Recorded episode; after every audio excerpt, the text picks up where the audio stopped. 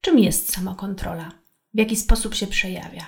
Jak działa umysł i mózg człowieka sprawującego kontrolę nad swoim zachowaniem? Czy samokontrola przydaje nam się w życiu? A jeśli tak, to kiedy i w jaki sposób? A może czasem może przeszkadzać? No i wreszcie, czy samokontrolę można usprawnić lub wytrenować? Na temat samokontroli rozmawiamy z profesorem Edwardem Nęcką, psychologiem specjalizującym się w psychologii poznawczej. Ja nazywam się Zofia Szynal zapraszam na nowy odcinek podcastu. Strefa Psyche Uniwersytetu SWPS. Psychologia bez cenzury. Więcej merytorycznej wiedzy psychologicznej znajdziesz na psycheswps.pl oraz w kanałach naszego projektu na YouTube i Spotify. Zapraszamy. Dziś tematem naszego spotkania jest rola samokontroli w życiu człowieka, a gościem profesor Edward Nęcka, psycholog specjalizujący się w psychologii poznawczej. Dzień dobry, panie profesorze. Dzień dobry, dobry wieczór. Dzisiejsze spotkanie możemy nazwać krakowskim, ponieważ Uniwersytet SWPS uruchomił filię w Krakowie, więc mam przyjemność przedstawić Państwu pana profesora nie tylko jako gościa naszego dzisiejszego spotkania, ale również jako dziekana krakowskiego wydziału. Panie profesorze, serdecznie witamy e, Pana w strefie psyche, no ale właśnie też również w całej naszej społeczności akademickiej. Jest mi niezwykle miło poprowadzić pierwsze spotkanie z krakowskiego cyklu, a będzie ich więcej, ponieważ już w kwietniu e, w krakowskiej filii rusza nabór na studia podyplomowe oraz do Szkoły Psychoterapii Poznawczo-Behawioralnej Uniwersytetu SWPS, a w październiku planowane jest uruchomienie rekrutacji na jednolite studia magisterskie na kierunku psychologia. Więc, Szanowni Państwo, jeśli e, ktoś z Państwa jest zainteresowany studiowaniem psychologii czy psychoterapii na Uniwersytecie SWPS, no to teraz może brać e, również pod uwagę Kraków. Panie profesorze, czy możemy zacząć od takiego próby zdefiniowania tego pojęcia? Czym jest samokontrola? No taka zdolność ważna w życiu człowieka. E, Zdefiniować można ją jako zdolność do osiągania ważnych dla człowieka celów w warunku konfliktu. Znaczy, jeżeli ktoś dąży do dwóch różnych celów, z których jeden jest ważniejszy, drugi mniej ważny, no to czasami realizuje ten mniej ważny e, zamiast ten ważniejszy, albo realizuje ten krótkoterminowy, ten osiągalny od razu, kosztem tego, co wymaga czasu i, i pracy. Mm, czasem to jest po prostu konflikt między dwoma równie ważnymi celami, no i trzeba go jakoś rozstrzygnąć, bo nie można osiągnąć obu. Czasami polega to po prostu też na pogodzeniu kolejności, takiej ustawienia kolejki czynności, które mamy zrobić. No i to jest dosyć trudne dla, e, dla nas, dla nas wszystkich, którzy realizujemy w życiu przeróżne cele, e, różnej rangi, w różnym też horyzoncie czasowym, dotyczące różnych naszych potrzeb. No i z tym niektórzy z nas, właściwie wszyscy mamy z tym problem, chociaż niektórzy większy, a inni mniejszy. Dlatego mówimy, że to jest zdolność poniekąd indywidualna, pewna cecha indywidualna, osobnicza człowieka. To jest jakby stała cecha, którą ktoś ma, cecha osobowości, cecha temperamentu, pewna umiejętność. Możemy w jakimś sensie zwiększać swoją zdolność do samokontroli? Pierwsze pytanie to jest, czy to jest cecha osobowości, temperamentu. Ona jest bardzo szczególna, ona jest unikalna, wydaje mi się, dlatego że ma dużo, e, dużo cech typowych dla innych cech osobowości. Na przykład bardzo silnie jest związana z emocjonalnością człowieka, z motywacją, e, też z życiem społecznym ludzi z relacjami społecznymi. No i to jest dokładnie to, co też znajdujemy w cechach osobowości.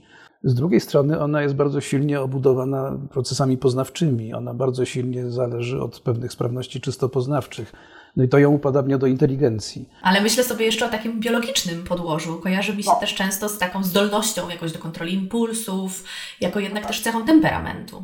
No, to nie tylko temperament ma podłoże biologiczne, przecież e, wszystkie właściwie ludzkie cechy mają podłoże biologiczne, tylko każda inne trochę, prawda? Każdy, w każdym przypadku jest trochę inny mechanizm. Faktycznie, rzeczywiście w przypadku samokontroli e, pewne e, uwarunkowania biologiczne, szczególnie mózgowe oczywiście, one są, są ewidentne, tak? To znaczy samokontrola jest realizowana przez mózg. Natomiast jeżeli chodzi o pytanie bo w tym Pani pytanie były dwa właściwie, no, o to, czy to można zmienić, czy to się jakoś poddaje treningowi. No tak jak każda inna cecha w ograniczonym zakresie. Znaczy cechy ludzkie są względnie stałe. Czyli, że nie są absolutnie stałe, one się zmieniają w biegu życia czasami, czasami pod wpływem doświadczeń, mm, no ale też nie są całkowicie, znaczy jeżeli coś jest cechą, to musi być jakoś trwałe, bo inaczej nie jest cechą. A więc cecha to jest coś, co odróżnia człowieka od człowieka i odpowiada za pewną stałość w obserwacjach, pewną stałość w pomiarach również. No i w tym sensie jest to też, no tak jak wszystko inne, inteligencja też jest cechą względnie stałą. Neurotyczność też jest cechą względnie trwałą. Ta zmienność jest u nie, w niektórych przypadku niektórych cech większa, w innych mniejsza. Wydaje się, że samokontrola jest rzeczywiście do pewnego stopnia podatna na, na, na zmianę, taką intencjonalną zmianę w wyniku treningu na przykład, czy w wyniku pewnych e, świadomych zabiegów. Także można tutaj pewne sukcesy osiągnąć na tym polu. Czyli jest nadzieja w razie czego. Pewnie jeszcze gdzieś do tego wrócimy, bo myślę sobie, że to będzie e, pewnie jedno z bardziej nurtujących pytań, jak tutaj e, można na to wpłynąć. No ale zanim, to czy może Pan powiedzieć o tym, mm, w jaki sposób bada się samokontrolę, w jaki sposób właściwie ona się w ogóle przejawia, kiedy mówimy o tym, że ktoś, no właśnie, wykazuje tę cechę, kiedy co się dzieje? Wtedy na przykład, kiedy y, ktoś y, hamuje się, że tak się wyrażę, to znaczy zamiast zrobić coś impulsywnego, robi coś refleksyjnego. E, kiedy ktoś na przykład reguluje emocje, to znaczy mm, radzi sobie ze złością, radzi sobie z irytacją. Mm, no, dotyczy to oczywiście również innych emocji, ale szczególnie samokontrolę się szczególnie łączy z takimi emocjami y, społecznymi właśnie, to znaczy na przykład nieokazanie komuś negatywnych emocji, po to, żeby podtrzymać relacje, prawda? Bo podtrzymanie relacji jest właśnie tym ważniejszym celem niż danie upustu, e, wypuszczenie z siebie po prostu emocji dziś, teraz, tutaj, e, co może być bardzo kuszące, ale na krótką metę tylko daje jakiś rezultat, a długotrwale niszczy te relacje. Więc jeżeli ktoś się powstrzymuje od pewnych impulsywnych zachowań, jeżeli ktoś też powstrzymuje się od pewnych czynności, które jemu osobiście szkodzą, nie tylko w relacjach z innymi ludźmi, Mm, na przykład y, zachowanie dietetyczne, prawda? Albo zachowania związane z kontrolą zażywania leków, albo też y, zachowania związane z, nie wiem, utrzymaniem y, sprawności fizycznej, mm, z ćwiczeniami fizycznymi. Tego typu mm, no, studiowanie, oczywiście uczenie się. Przeciwieństwem samokontroli, pewnego jej wymiaru oczywiście, bo nie całej samokontroli, to nie jest w ogóle zjawisko jednolite, więc przeciwieństwem jest tak zwana prokrastynacja, czyli odkładanie wszystkiego na jutro. Więc jeżeli ktoś prokrastynuje, no to widzimy tutaj mamy jakąś dysfunkcję samokontroli. Jeżeli ktoś nie hamuje afektu, nie hamuje złości, irytacji, to mamy jakąś dysfunkcję samokontroli. Jeżeli ktoś zajada stres czekoladą, to mamy jakąś dysfunkcję samokontroli i tak dalej, i tak dalej. Rzeczywiście mówię głównie o takich negatywnych, o dysfunkcjach właśnie, o porażkach samokontroli, bo rzeczywiście psychologicznie rzecz biorąc znacznie łatwiej pewne zjawiska uchwycić przez, przez E, właśnie jakieś dysfunkcje niż przez. Jeżeli mechanizm dobrze funkcjonuje, to czasami bardzo trudno go zauważyć w ogóle, docenić jego wagę. E, nie wiemy, jak on działa. Dopiero jak się coś zepsuje, to widzimy, że e, właśnie doceniamy ten mechanizm i wiemy, co się zepsuło. Tak? Więc przez, przez dysfunkcję samokontroli znacznie łatwiej ją zaobserwować niż przez jej prawidłowe funkcjonowanie. Ale oczywiście można również z drugiej strony. W psychologii są też mm, na pewno wyspecjalizowane narzędzia do, do badania samokontroli. Panie profesorze, ja sobie pozwolę na chwilkę przerwać, bo właśnie tu chyba a propos tego, o czym mówimy jeszcze, e, pani Agnieszka zadała bardzo ciekawe pytanie.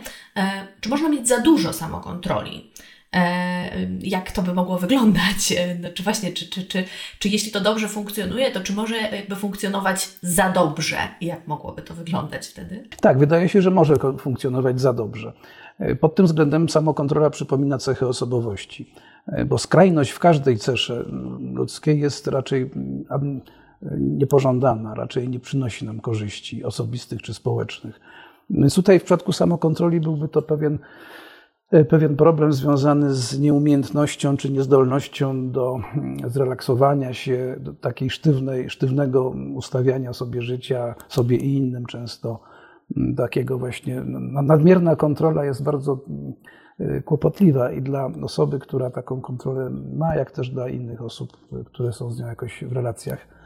Więc oczywiście tak, wszystko może być w nadmiarze szkodliwe, również samokontrola. Poza tym ona jest wtedy e, wyczerpująca dla, dla osoby, która sprawuje taką nieustającą nadmierną. No właśnie, to chyba jest w ogóle taki kosztowny proces. Yy, powstrzymywanie impulsów, powstrzymywanie, e, no nie wiem, wybuchów e, emocjonalnych, yy, czy, czy, czy, czy, czy jakichś innych przejawów takich emocji. Mówił Pan na początku o tym, że to jest taka sytuacja, no właśnie konfliktowa, w której no mamy dwa cele i, i któryś z nich musimy wybrać. Co najmniej dwa, tak. Tak, przynajmniej dwa. Więc no właśnie taka ilość, jeżeli z kolei bardzo dużo, z dużym wysiłkiem kontrolujemy, no to rzeczywiście jest to wyczerpujące dla naszego organizmu, dla umysłu, Tak. dla mózgu? No, dla ciała generalnie. No, mózg jest częścią ciała i mózg sprawujący kontrolę y, męczy się, y, bo generalnie y, umysł i jego podłoże biologiczne, czyli mózg, męczy się głównie wtedy, kiedy, kiedy wy, wykonuje pewne czynności nieschematyczne, niepowtarzalne, a więc takie, które wymagają kontroli. Bo jeżeli jest, y, działamy na autopilocie, jak to się mówi, to znaczy działamy nawykowo, schematycznie, włączamy jakieś tam moduły wcześniej wyuczone, że tak się wyrażę, no to wtedy mózg się mniej męczy. On i tak oczywiście jest bardzo energochłonny, ale relatywnie mniej się męczy niż wtedy, kiedy człowiek na przykład musi intencjonalnie, wolicjonalnie, nie wiem, skupiać się przez półtorej godziny na wykładzie. No to jest szalenie męczące. Trudna rozmowa jest szalenie męcząca w sensie fizycznym, prawda? Pisanie tekstu jest męczące fizycznie, prawda? A nie, to się, to się mówi zmęczenie umysłowe, zmęczenie fizyczne, ale w gruncie rzeczy to jest jedno ciało, jeden organizm, który zużywa zasoby. No i skutki są oczywiście takie. Tutaj pan Hubert jeszcze dopytuje jakoś, czy nadmiar samokontroli może być widoczny w przypadku na przykład anoreksji. No, to jest właśnie taki paradoks. Paradoks pozornie bardzo skrupulatnej kontroli, która w konsekwencji prowadzi do rozregulowania y, mechanizmu, bo takie właśnie procesy jak odżywianie się, pierwotne, pierwotne procesy biologiczne, czynności, można je nazwać, one najlepiej funkcjonują wtedy, kiedy się same regulują, kiedy człowiek z poziomu wolicjonalnego nie musi nic tutaj decydować. Tak? Znaczy je to, co, czego potrzebuje wtedy, kiedy jest głodny, ani nie za dużo, ani nie za mało. Jak ma jakieś specyficzne braki typu witaminowego, to je to, co tę witaminę zawiera, bo jego ciało jest na tyle mądre, żeby, że się domaga tego. I to jest najlepszy sposób regulowania takich właśnie zachowań dietetycznych.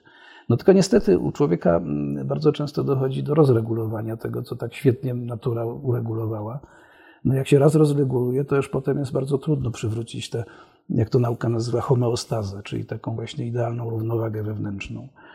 Więc jeżeli ktoś nadmiernie reguluje zachowania dietetyczne, dietę swoją po prostu, waży, mierzy tak dalej, liczy kalorie, mówię nadmiernie oczywiście, no to to w konsekwencji może doprowadzić do całkowitego rozregulowania tej, tych, tych procesów odżywiania się z, z konsekwencjami bardzo groźnymi, zdrowotnymi przecież już nie mówiąc o składnikach takich mentalnych tego zaburzenia.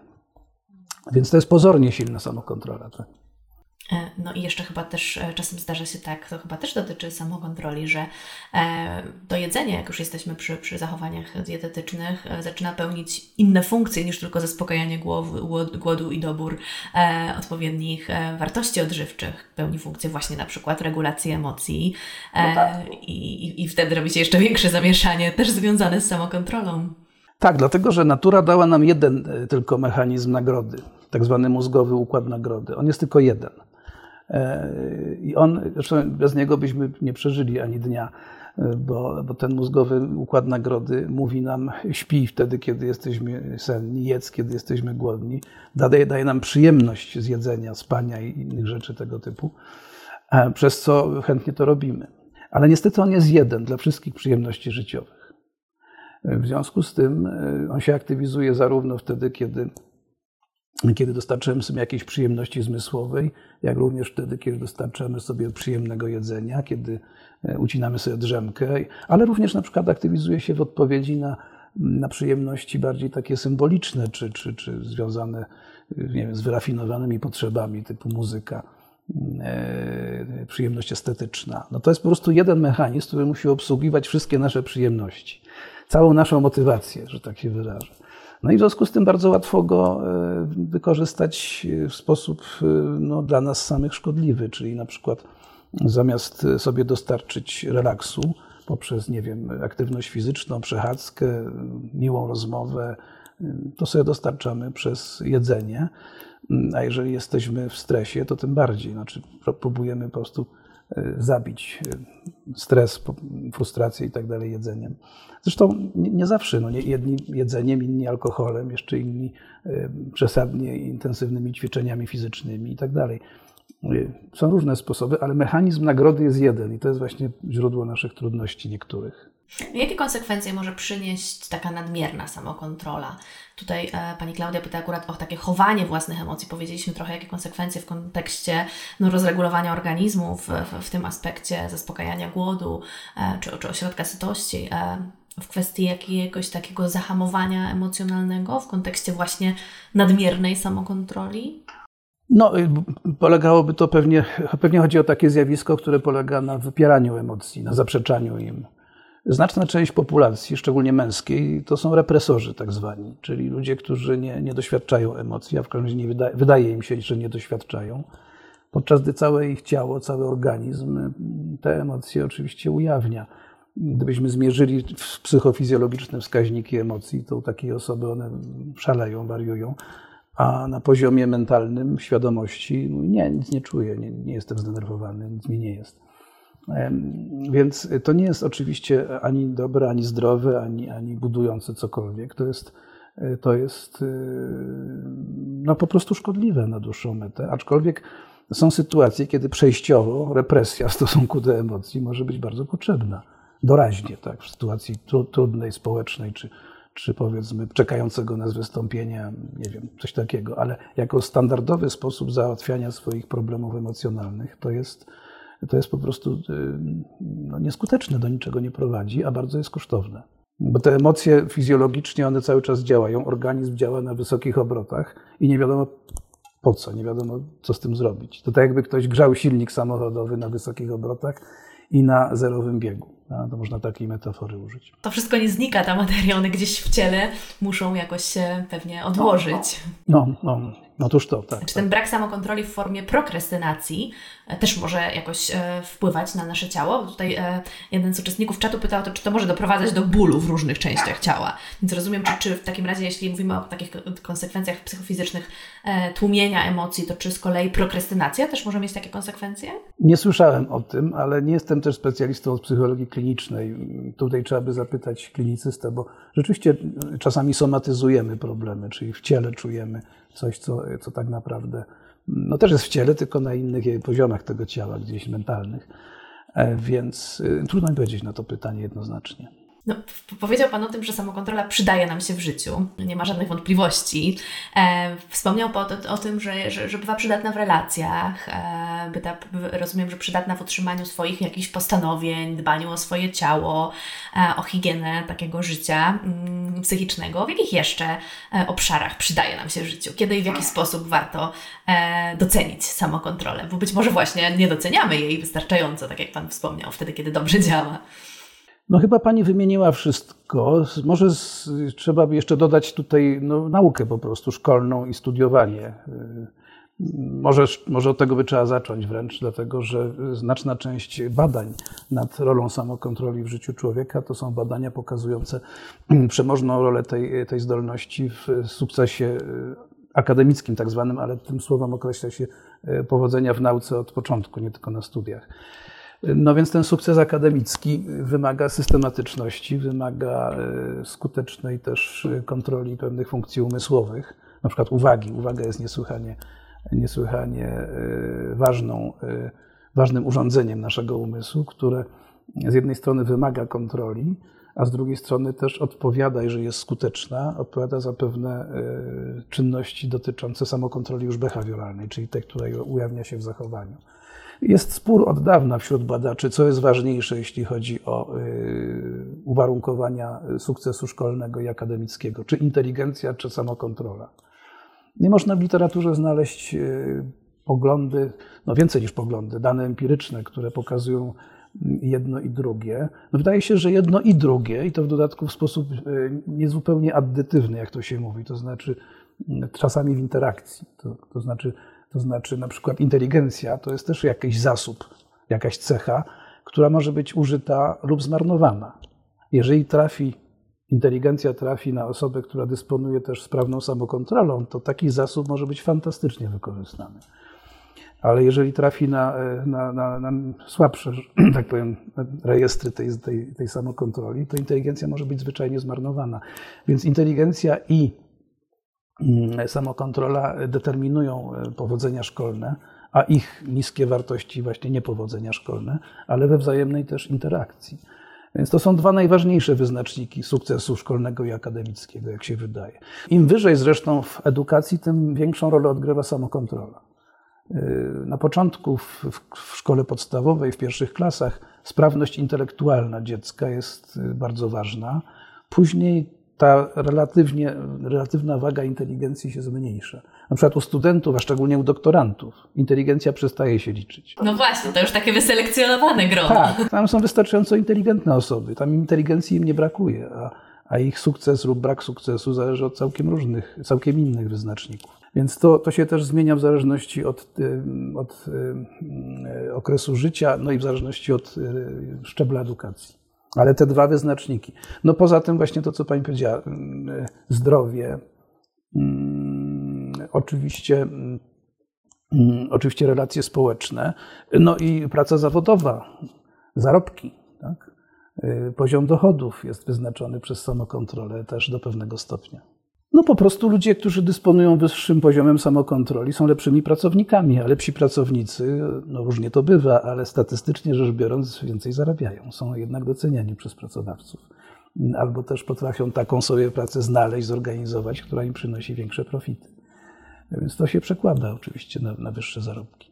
Tak, no i jakość życia też, oczywiście pod, przy założeniu, że że to jest nieprzesadne. Z jakością życia jest troszkę mniej jednoznacznie, dlatego że na przykład jak, jak ktoś sobie tę jakość życia rozumie, jak ją sobie zdefiniuje. No, jeżeli ktoś na przykład lubi imprezować, to wysoki poziom samokontroli mu nie da takiej jakości życia pożądanej, ale jeżeli ktoś no, gdzie indziej upatruje tej jakości, to tak, niewątpliwie. Panie profesorze, no więc jak pracować nad samokontrolą? Może jeszcze zanim e, po, powiemy, jeśli w ogóle jest odpowiedź na to pytanie, a wszyscy tutaj bardzo liczą, że tak, e, jak to jest u, u, u, nas już, u dorosłych osób, to m, mm, tutaj Pan Sławomir jakoś pyta o to, czy, czy samokontrola jest źródłem motywacji wewnętrznej, e, a jeśli tak, to jak kształtować ją u dzieci? Jak się w ogóle kształtuje ta cecha, ta jej część, e, na którą mamy wpływ w ciągu życia, która gdzieś e, e, no, kształtuje się właśnie no, pod wpływem naszych doświadczeń? Ona jest w dużej części zdeterminowana genetycznie. Na przykład taki jej składnik, jakim jest y, uwaga zarządcza, tak się to nazywa w, w, w psychologii poznawczej, executive attention, czyli taka uwaga, którą endogennie kierujemy ku obiektowi. Y, wychodzi że w badaniach, że ona jest odziedziczalna na poziomie 0,8-0,9 na skali od 0 do 1. To jest tak silny wskaźnik odziedziczalności, którego nie znajdziemy nigdzie indziej. Inteligencja jest odziedziczalna na poziomie 0,5 cechy osobowości w zależności od tego, jaka jest, są odziedziczalne na poziomie 0,3-0,5, co oznacza, że osobowość w większości jednak jest uwarunkowanie niegenetyczne. No inteligencja w połowie mniej więcej. No to, to uwaga zarządcza prawie w całości. No. Oczywiście to nie znaczy, że nie ma tam żadnego wpływu środowiskowego, że tam nie ma żadnej przestrzeni na zmianę i tak dalej, bo, bo oczywiście jest taka przestrzeń, ale trzeba pamiętać o tym, że na przykład u, u kilkulatków, u dzieci w okresie przedszkolnym ten czynnik genetyczny jest bardzo silnie, decyduje o tym, czy dziecko będzie w stanie się kontrolować, czy nie. Czy będzie w stanie uważać na rzeczy ważne, a ignorować rzeczy nieważne, czy odwrotnie. Czy będzie w stanie się powstrzymać przed na przykład zjedzeniem ciastka natychmiast, czy poczeka chwilę na drugie ciastko albo na jakąś inną nagrodę. To jest bardzo silnie odziedziczalne jednak. Natomiast no, są, są też w naszym w naszym zachowaniu, w naszej strukturze i ciała, i umysłu e, funkcje e, równie odziedziczalne, równie silnie odziedziczalne, na przykład, nie wiem, sprawności motoryczne, tak? bieg, mm, szybkość biegu, nie wiem, siła, e, wydolność organizmu, to są też bardzo odziedziczalne sprawności, a to nie znaczy, że treningiem nie potrafimy tego jeszcze e, wyżej podnieść. A przede wszystkim, ja myślę, że myśli wydaje, że trening poznawczy w ogóle, czy w ogóle trening samokontroli, to on może nie tyle pomóc tym, którzy już mają samokontrolę, bo tam, tam nie ma przestrzeni zbyt wielkiej. On może pomóc tym, którzy jej nie mają właśnie. Może dostarczyć pewnych, pewnych że tak się wyrażę brzydko, protez które sprawią, że mimo, e, mimo e, problemów z samokontrolą, nasze czynności są wykonywane odpowiednio dobrze, że osiągamy te ważne cele. No, będzie dotyczył na przykład strategii radzenia sobie z zadaniem, prawda?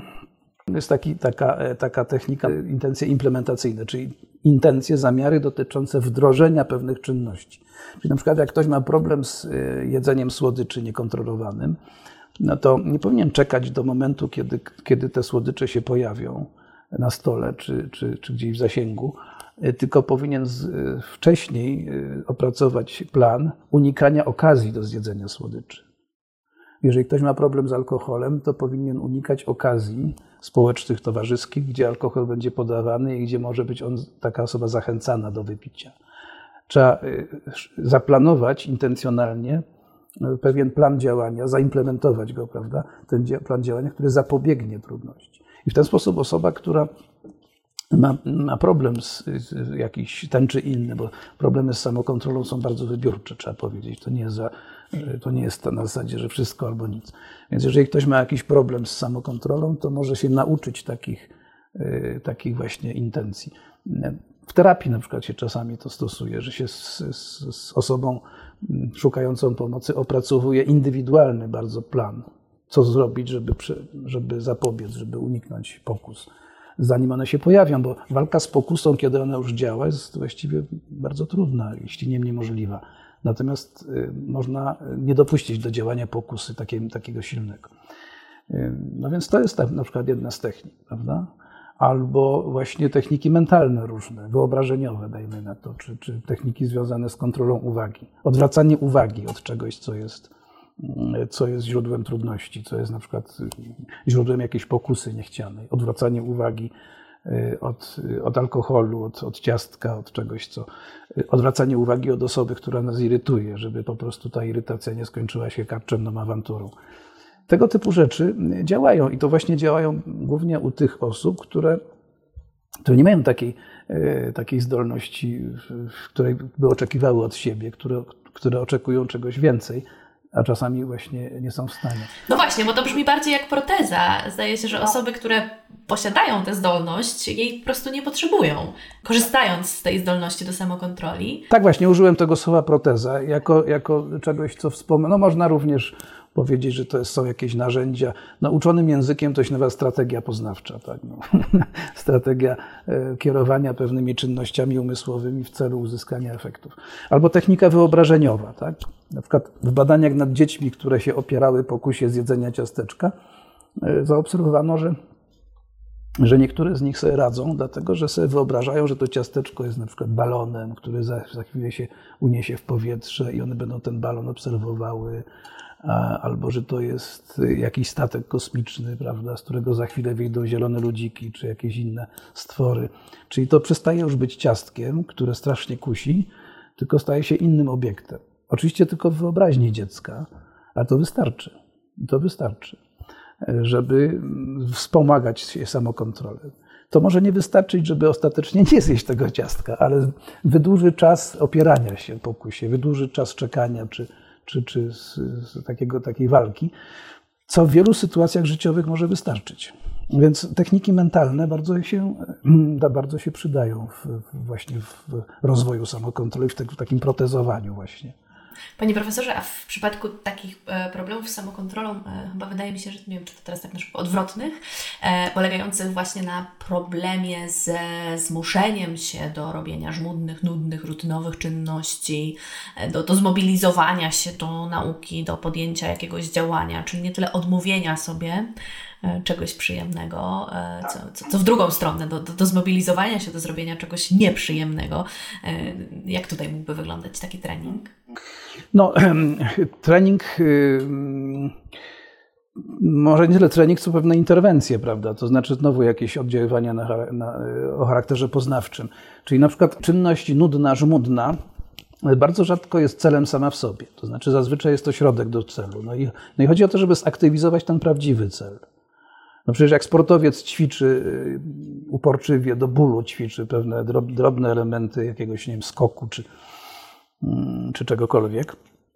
To jest nudne, to jest męczące, to, mm, to jest wręcz bolesne. W sporcie jest bardzo dużo bólu, jak wiadomo, może nie wiadomo. E, no to ostatecznie e, chodzi o to, żeby zaktywizować ten cel długofalowy w umyśle i żeby mm, ten cel długofalowy dowartościować, żeby on się stał jeszcze ważniejszy, albo żeby po prostu go zaktywizować, bo bardzo często nasza motywacja jest niewydolna nie dlatego, że nie mamy celu w życiu, tylko dlatego, że te cele się nie aktywizują w odpowiednim momencie. One są, jak to się mówi, latentne, uśpione. Dopiero trzeba zaktywizować cel i wówczas on się okazuje ważny, on się okazuje w dodatku atrakcyjny i tak dalej, i tak dalej. Możemy w ten sposób uruchomić ten ośrodek nagrody, też jakoś wizualizując sobie tak. ten sukces, osiągnięcie tego celu. Tak, dlatego, że dokładnie tak jest, dlatego, że w badaniach neuronaukowych wykazano ponad wszelką wątpliwość, że układ nagrody aktywizuje się nie tylko w odpowiedzi na nagrodę, ale również w odpowiedzi na oczekiwanie nagrody, na wyobrażenie sobie nagrody.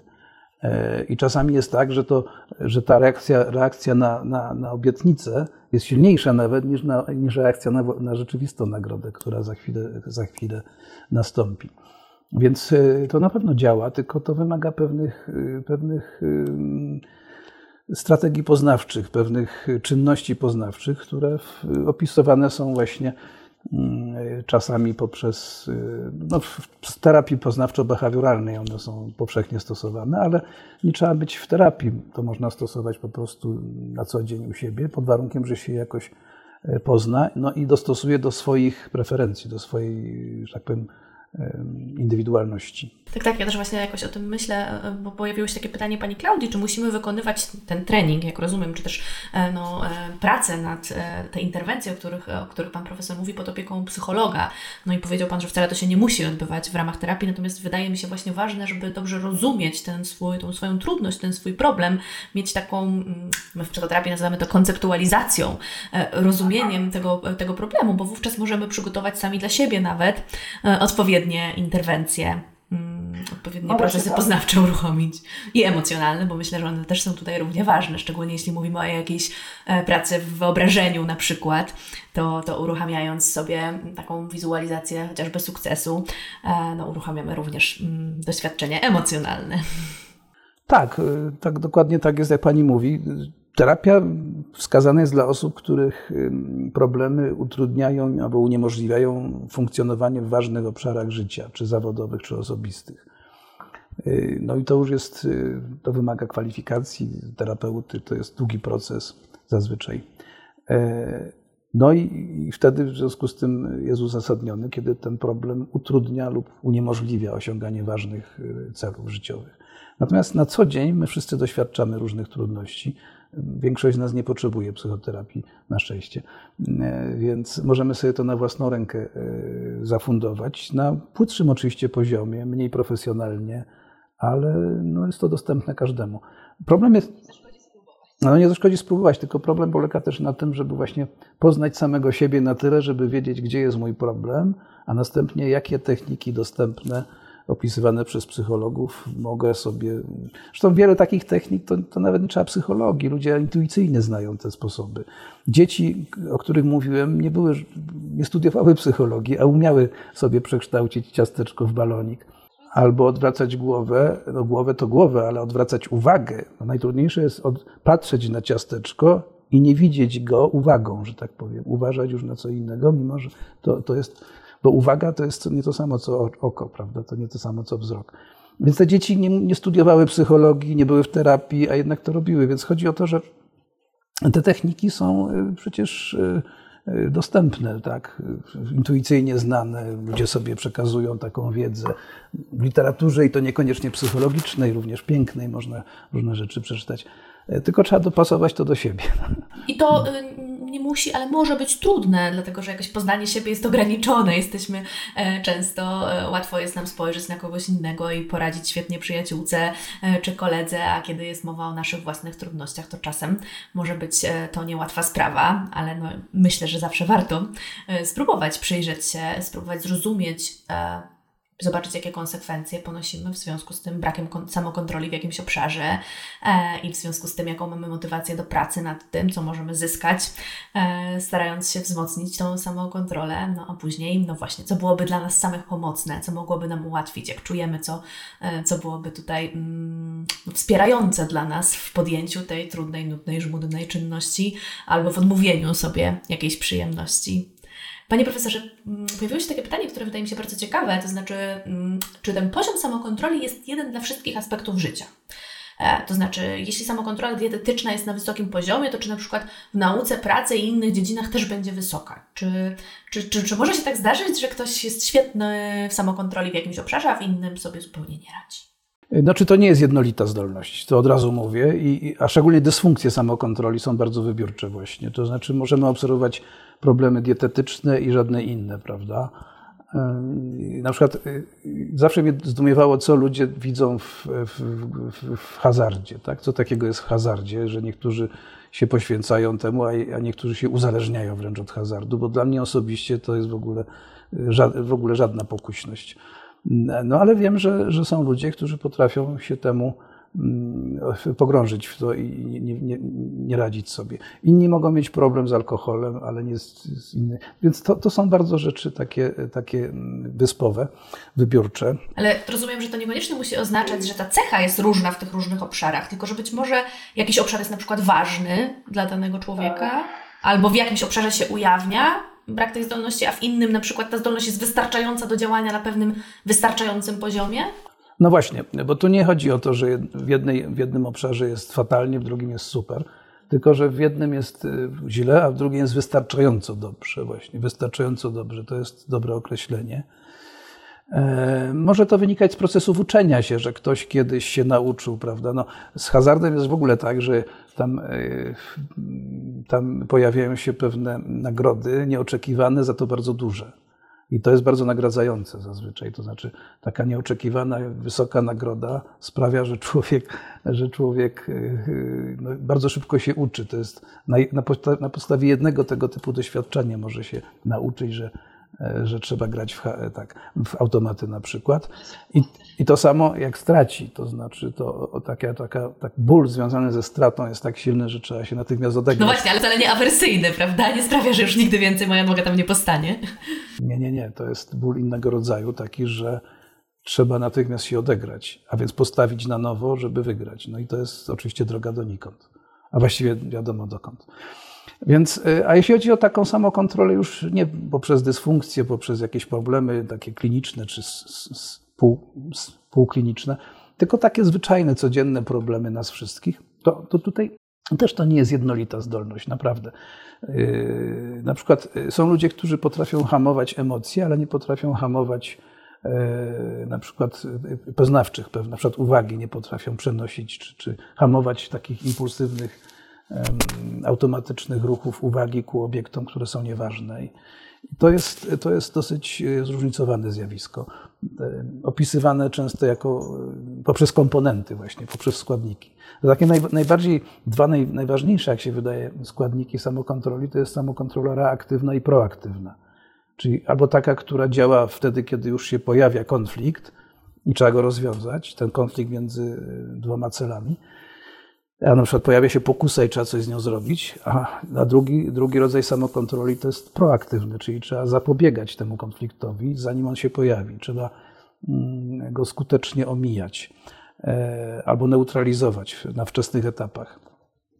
Więc i to, to nie jest powiedziane, że wysoki poziom tutaj oznacza wysoki tu albo niski niski. To może być bardzo u jednej osoby e, zróżnicowane, cały taki taki profil, jakby można by wykreślić samokontroli u każdego człowieka. Ale oczywiście, gdybyśmy spojrzeli z wyższego poziomu abstrakcji, no to możemy powiedzieć, to wszystko się da uogólnić i powiedzieć, średni poziom samokontroli u tej osoby jest y, wyższy, niższy, tak i tak dalej. I to też się czasami przydaje, takie bardzo zgrubne y, określenie, na przykład do celów badawczych. No w badaniach, w klinicznych zastosowaniach nie, ale w badaniach Potrzebujemy czasami po prostu jednej miary samokontroli, żeby ją odnieść do innych, na przykład cech, albo za, zapytać o mm, uwarunkowania, i to może wystarczyć. A na niższym poziomie analizy to jest na pewno niejednolite zjawisko. I dlatego, Szanowni Państwo, bardzo trudno będzie też odpowiedzieć nam na te takie bardzo indywidualne pytania dotyczące e, e, no, no, właśnie bardziej klinicznych e, aspektów, takich jak ADHD, e, zaburzenia depresyjne czy, czy zaburzenia odżywiania. E, są takie zaburzenia, w których e, no, deficyty uwagi czy kontroli impulsów, mam na myśli ADHD, no, są jednym z głównych objawów. Czy, czy Pan Profesor zna jakieś badania, które mówią o tym, czy, czy, czy przy ADHD te można się nauczyć samokontroli. Czy od razu mówię, że ja nie, nie, nie zajmuję się terapią, nie znam się na terapii zaburzeń, więc nie będę się wypowiadał. Z badań takich właśnie, no z badań po prostu wynika, że rzeczywiście no w samym nazwie ADHD kryje się dysfunkcja uwagi. I to jest jeden z ważnych składników tego zaburzenia, ale wcale nie jedyny. Zresztą tutaj też właśnie można powiedzieć, każdy człowiek inaczej, u każdego inaczej to zaburzenie się przedstawia. E, ale oczywiście, jeżeli to jest problem głównie uwagowy, to kontroli uwagi można się pewnymi technikami do pewnego stopnia nauczyć. To nie będzie e, osoba, która cierpi na ten, ten, ten rodzaj e, zaburzenia pod wpływem tego typu oddziaływań, nie będzie mistrzem kontroli uwagi, ale będzie właśnie działać być może na poziomie wystarczająco dobrym. I to, to jest czasami cel no, taki, do którego się zmierza. Mm, tak samo można powiedzieć, że w, w zaburzeniach afektywnych, znowu nie mówię jako klinicysta, bo nim nie jestem, ale znowu z badań ogólnych nad tym zjawiskiem, poznawczych bardziej właśnie wynika, że to jest kwestia no właśnie uwagowa, prawda? że na przykład lęk e, to jest nadwrażliwość uwagi na, na zagrożenia na bodźce, które sygnalizują zagrożenie, niekiedy fałszywie sygnalizują. To znaczy jest to przesterowanie uwagi w kierunku bodźców negatywnych, bodźców zagrażających. No a jeżeli ktoś jest, ma przesterowaną uwagę w kierunku takich bodźców, no to je, y, to je odbiera w nadmiarze. Jak je odbiera, to tym bardziej jest, y, prawda, tym, tym, tym, tym, tym bardziej jest zalękniony i tak dalej. To jest błędne koło. Więc i żeby przerwać to błędne koło, czasami wystarczy, wystarczy oddziaływać nie na poziomie, nie na, na też na te właśnie emocje negatywne, tylko na, na czynniki poznawcze. I tutaj w odpowiedzi pojawia się terapia poznawczo-behawioralna, tak. prawda? Która w ramach rekonstrukcji poznawczej e, czy, czy treningów różnego rodzaju e, no, no, no, no, pomaga jakoś e, kształtować bardziej adaptacyjne procesy poznawcze, bardziej adaptacyjne. No tak, no bo na przykład polecenie proszę się nie denerwować należy do najbardziej durnych y, poleceń, jakie człowiek może, albo weź się w garść, tak na przykład słyszymy czasami. Ludzie nam mówią w dobrej wierze, prawda? Weź się w garść i tak dalej. No bardzo chętnie, tylko jak? Natomiast jeżeli ktoś nam mówi, spróbuj y, y, przenieść uwagę na to, albo spróbuj się skoncentrować na tym, albo spróbuj przeformułować to, i opisać to innym językiem. Spróbuj wyobrazić sobie coś. To jest y, znacznie łatwiejsze. To jest konkretne polecenie, które na początku może być trudne, ale łatwo się tego nauczyć. I to jest już, jak powiem, operacyjne, tak? A, a nie przejmuj się albo wejście w garść jest nieoperacyjne. Zresztą nie wiadomo, co właściwie należałoby zrobić. I w tym sensie y, manipulacje poznawcze, mm, czy po prostu no, się sprawdzają w tych, w, tych, w tych naszych problemach emocjonalnych również bo to wszystko jest powiązane. Panie profesorze, czy badania mówią coś na temat różnicy w poziomie samokontroli e, u kobiet i u mężczyzn, albo u ludzi w różnym wieku? Pojawiło się też takie pytanie od Pani Agnieszki, czy jest właściwa jedynie ludziom, czy również można to zaobserwować u zwierząt? No, y, zacznę może od ostatniego pytania. Y, rzeczywiście są badania na temat samokontroli u zwierząt. Nawet jest cała książka poświęcona samokontroli u zwierząt, bardzo ciekawa. Tylko, że mm, nie zawsze, nie, nie zawsze właśnie ta samokontrola u zwierząt jest tym, co my uważamy za, za samo. No na przykład można sprawdzić e, różnice indywidualne e, dotyczące tego, czy pies, któremu powiemy siad, e, będzie czekał na nas, czy nie będzie czekał, prawda? Jak długo będzie czekał? Czy jak mu każemy siedzieć i czekać, a obok będzie kiełbaska, to on się tej kiełbasce. Jak daleko musimy odejść od nas, żeby pies, żeby komenda siad już nie działała? My wiemy, że z psami to jest bardzo ważna rzecz. Jeżeli jestem blisko psa i mówię siad, to on siedzi, a jak jestem 10 metrów od niego, to on już nie siedzi. To są bardzo silne e, różnice indywidualne między zwierzakami, tak jak między ludźmi. Tylko pytanie jest też takie, czy to jest rzeczywiście samokontrola w sensie takiego intencjonalnego mm, mm, wybierania rzeczy ważnej, e, ale odległej w czasie, e, kosztem czegoś, co jest bardzo takie nęcące tu i teraz, ale mniej ważne czy też jest to po prostu kwestia wyuczalności zwierzęcia, tak? karności, czy jak to jeszcze, posłuszeństwa, tak, takiej cechy.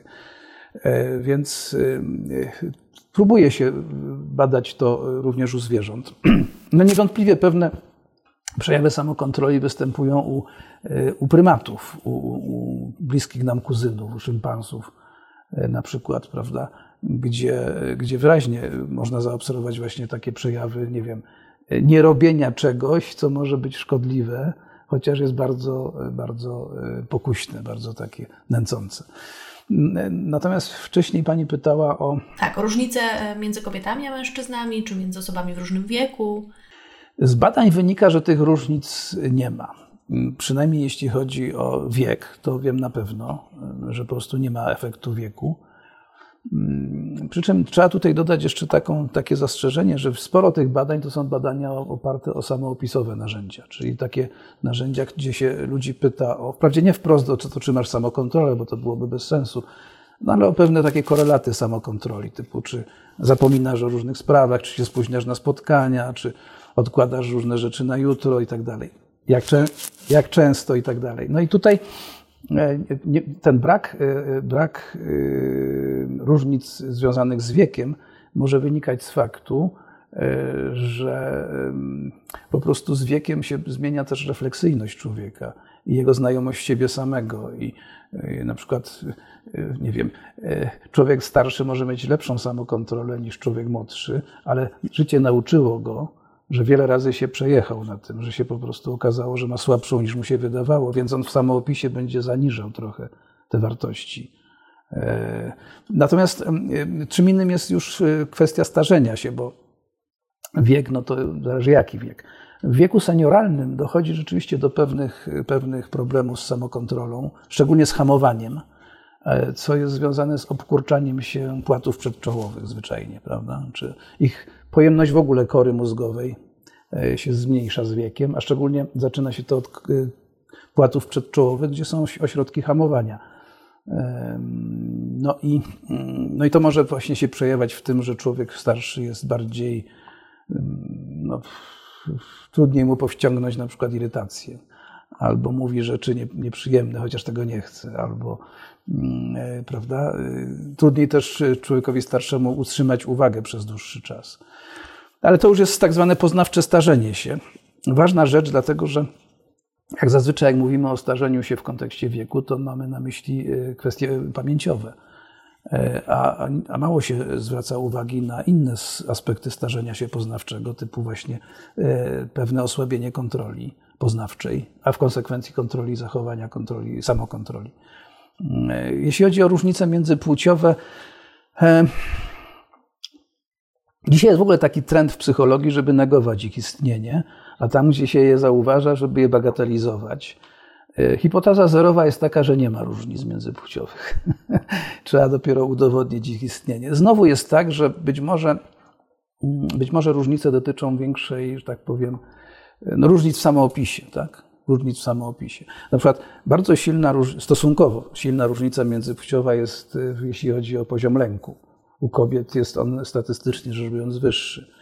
No ale kobietom się jest do niego dużo łatwiej przyznać. Ale otóż to, właśnie, otóż to. Mężczyźnie się jest trudniej e, zgodzić z tym, że jego poziom lęku jest przerażająco wysoki, więc będzie zaniżał. A tak naprawdę, jakbyśmy to zmierzyli inaczej niż poprzez techniki samoopisowe, to te różnice zanikają albo w każdym razie słabną. E, w przypadku samokontroli wydaje mi się, że znaczy jest stereotyp oczywiście, że kobiety są bardziej ogarnięte. że są bardziej ogarnięte, ale może to wynikać z, po prostu z banalnego, banalnego, banalnej przyczyny. Mianowicie, że cały czas e, kobiety są statystycznie rzecz biorąc bardziej obciążone macierzyństwem i jego skutkami niż mężczyźni, a młode matki muszą być ogarnięte, bo nie mają innego wyjścia, prawda? Więc można powiedzieć, młodzi rodzice są, muszą być ogarnięci, muszą mieć dobrą kontrolę proaktywną, dobrą kontrolę impulsów i tak dalej, bo nie mają innego wyjścia. Ale zazwyczaj są to właśnie młode matki, bo tak ciągle jest to y, rozłożone nierówno.